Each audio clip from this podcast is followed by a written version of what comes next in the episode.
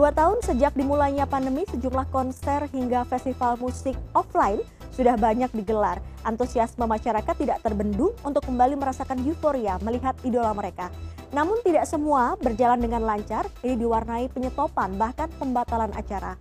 Untuk membahas hal ini sudah bergabung bersama kami Rizky Handayani Mustafa, Deputi Bidang Produk Wisata dan Penyelenggara Kegiatan Kemen Parekraf yang bergabung melalui Zoom dari Bali. Halo, selamat malam Ibu Rizky. Selamat malam Mbak Dea. Ya, terima kasih sudah bergabung bersama kami. Ya, Ibu Rizky, um, kalau kita membahas soal konser musik atau fan meeting tidak memulu, tidak melulu Ibu ya. Uh, ini soal berapa harga tiket dan berapa tiket yang terjual, tapi juga kenyamanan dan keamanan penonton. Apa yang Kemen, Kemen Parekraf analisis dari sejumlah kejadian pembatalan kegiatan konser atau fan meeting kemarin?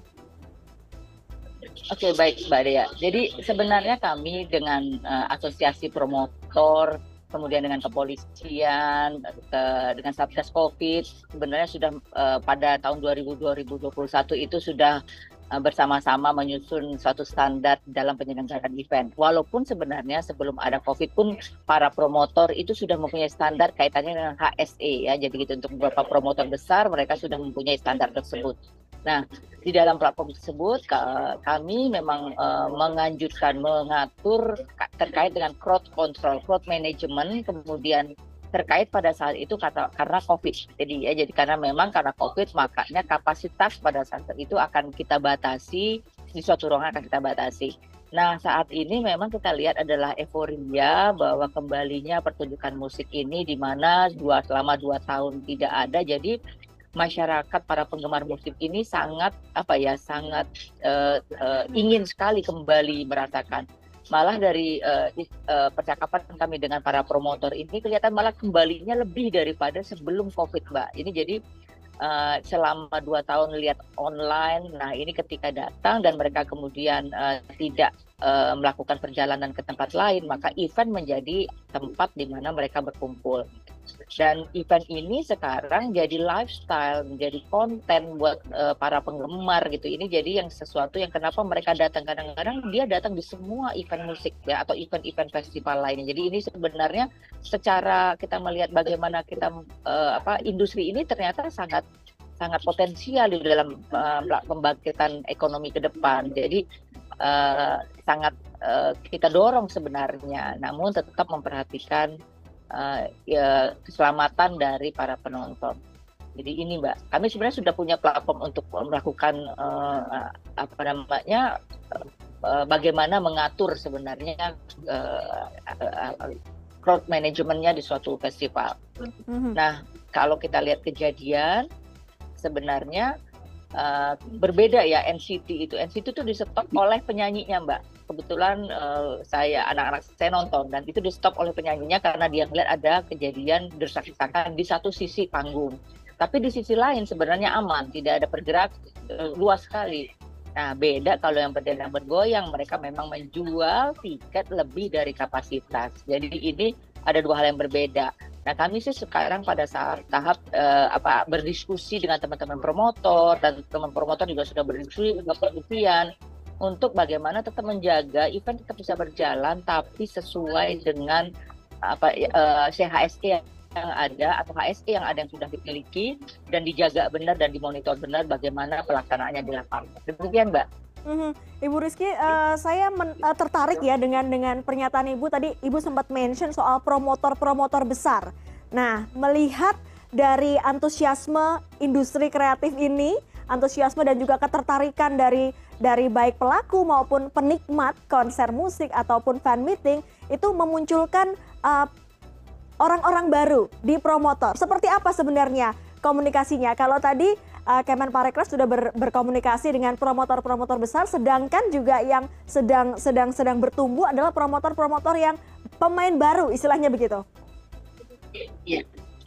Nah, jadi ini yang sekarang kami bicara dengan Mas Dino Hamid, Mbak Dewi Gonta, begitu ya, dengan teman-teman yang lain promotor yang saat ini sudah menyelenggarakan event-event besar, begitu, event-event yang dengan jumlah penonton besar untuk merangkul, gitu ya. Kami bersama-sama sebenarnya sudah merencanakan untuk bertemu dengan semua promotor yang uh, menyelenggarakan event karena baiknya ke depan uh, mereka masuk di dalam asosiasi karena tidak semua ternyata apalagi yang baru-baru ini bisa masuk asosiasi.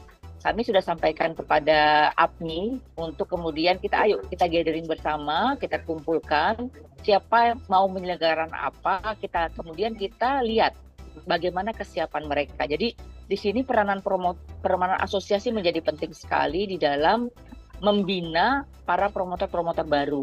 Nah, uh, teman-teman di promotor sudah setuju, jadi akhirnya sekarang pada tahap uh, konsolidasi teman-teman promotor ini untuk melakukan pertemuan dan kami akan memfasilitasi pertemuan tersebut untuk kemudian menyusun misalkan kalau seribu orang seperti apa sih standar keamanannya berapa orang sih yang harus uh, uh, jaga di sana kalau di atas seribu bagaimana karena saat ini memang mbak uh, ada fenomena yang di mana uh, masyarakat itu apa ya ter, sangat dibilang antusias lebih dari antusias sekarang gitu. Jadi uh, ini yang juga kita sangat tekankan kepada masyarakat atau penikmat musik, penikmat festival juga harus memperhatikan dan bertanggung jawab, bertanggung jawab pada diri sendiri dan bertanggung jawab kepada lingkungan sekitar.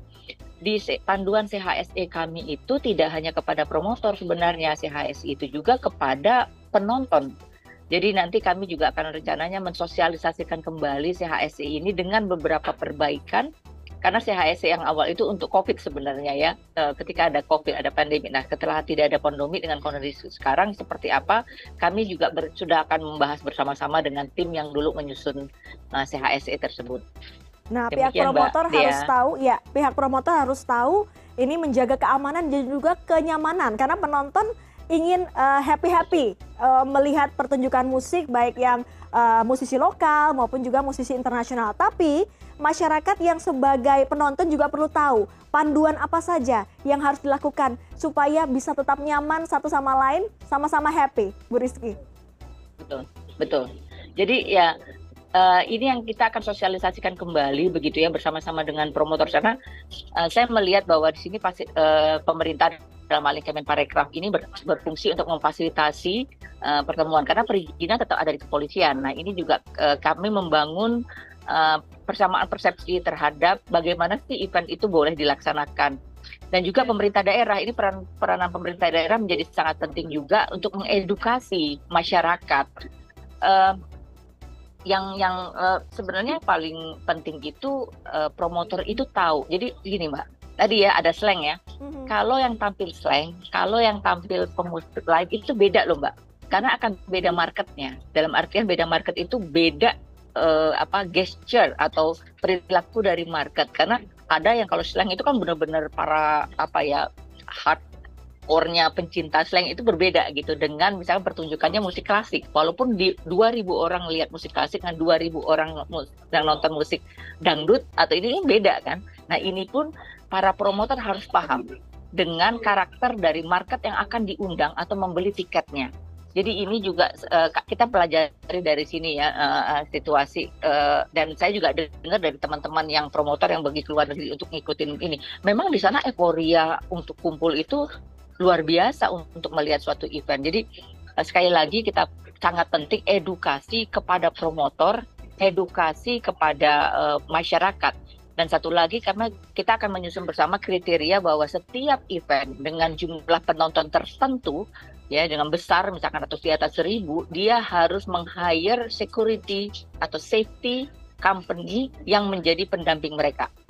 Tidak menggunakan volunteer tidak menggunakan volunteer yang terlatih. Jadi uh, jadi kan sekarang oh banyak pakai volunteer, tapi volunteer itu ketika ada sesuatu krisis mereka nggak tahu karena tak mereka cuma dikasih tahu untuk mengarahkan ke mana, tapi ketika ada kejadian mereka tidak bisa. Nah ini juga yang sangat penting nanti uh, adanya uh, uh, mereka harus menggandeng company yang paham tentang HSE, Health, Security and Environment ini penting sekali. Nah jadi uh, ini sedang kami uh, rencanakan adakan pertemuan-pertemuan kami sudah sebenarnya sudah melakukan pertemuan-pertemuan dengan uh, beberapa pihak ya secara ini kami akan melakukan FGD sebenarnya ke depan uh, dan waktu dekat untuk membahas ini untuk mencapai kesepakatan bersama sehingga event-event masih bisa kita laksanakan ya karena ini sangat mendukung mbak pergerakan ekonomi sebenarnya. Mhm. Berarti dibutuhkan steward ya, seperti ya, uh, steward yang tersertifikasi, yang paham betul bagaimana mengamankan, mengatur, tapi juga tetap membuat nyaman. Karena sepertinya kalau Betul. kita lihat di penyelenggaraan-penyelenggaraan sebelumnya, pendekatan keamanan tidak hanya musik tapi juga olahraga, pendek- pendekatan keamanan ini sepertinya menjadi pilihan utama untuk untuk mengatur uh, crowd control ini. Betul, keamanan dan keselamatan, Mbak. Jadi kan beda ya kalau keamanan kaitannya dengan uh, misalnya kepolisian keamanan, tapi keselamatan itu ada ada company-nya sendiri sebenarnya untuk mengatur. Jadi uh, kalau kita lihat ketika pertama bolehnya event, ingat tidak ada waktu itu nonton Kahitna dari mobil ya. Nah itu ada security, ada ada company yang tentang safety-nya itu sendiri gitu. Jadi bagaimana flow, bagaimana flow mobil, bagaimana orang nggak boleh keluar, bagaimana kalau itu diatur. Nah ini dengan perusahaan yang sudah sudah memang tahu bagaimana kalau ada krisis, ada emergency uh, situasi, mereka bisa tahu. Nah kan pertanyaannya apakah perusahaan-perusahaan kecil, promotor-promotor kecil bisa gitu ya meng-hire. Nah ini yang kita akan bahas. Jadi kalau promotor itu baru gitu ya, jangan kan biasanya mereka pakai line artisnya memang terkenal sehingga rame yang mau nonton. Nah ini juga bahaya. Jadi kalau mereka tidak punya pengalaman nanti kita akan lihat berapa kali mereka punya pengalaman untuk yang sebesar apa. Jadi tidak bisa yang baru pertama kali ngadain mereka boleh membeli ini ini saran kami kepada para promotor yang akan kami bahas tidak boleh dengan uh, apa namanya menjual tiket dengan segitu banyak orang gitu ya. Jadi kita akan lihat uh, pengalaman dari si company-nya. Tapi ini karena tugas pemerintah tugas Kemenparekraf ini memfasilitasi sebenarnya semua perizinan akan ada di uh, kepolisian dan juga pemerintah daerah juga memberikan rekomendasi ya. Jadi ini kami uh, tidak akan tentukan sendiri tapi bersama-sama dengan para pelaku termasuk asosiasi event organizer, asosiasi pekerja event, uh, asosi dan asosiasi promotor. Kalau kegiatan ini batal dilaksanakan yang kena juga para pekerjanya kan, yang kena juga akhirnya lapangan pekerjaan di bidang event juga akan menurun. Padahal kita tahu bahwa kita punya potensi besar untuk mendorong Indonesia sebagai destinasi event. Tidak hanya karena marketnya ada, tapi kita punya sumber daya uh, apa culture yang kuat, kita punya sumber daya talenta, talenta musik, talenta, talenta kreatif yang luar biasa di Indonesia ini. Begitu, Mbak. Hmm, baik, kita akan tunggu ya nanti bagaimana hasil diskusi antara kementerian terkait dan juga uh, pihak promotor untuk bisa membangkitkan kembali ya. Ini euforia bahkan kalau Ibu Rizky menyebutnya lebih dari euforia ya karena benar-benar warga terhibur dengan dengan festival musik Betul. yang yang diselenggarakan. Terima kasih Ibu Rizky Handayani Mustafa, Deputi Bidang Produk Wisata dan Penyelenggara Kegiatan Kemen Parekraf sudah bergabung bersama kami pada malam hari ini. Terima kasih kembali. Salam sehat semuanya.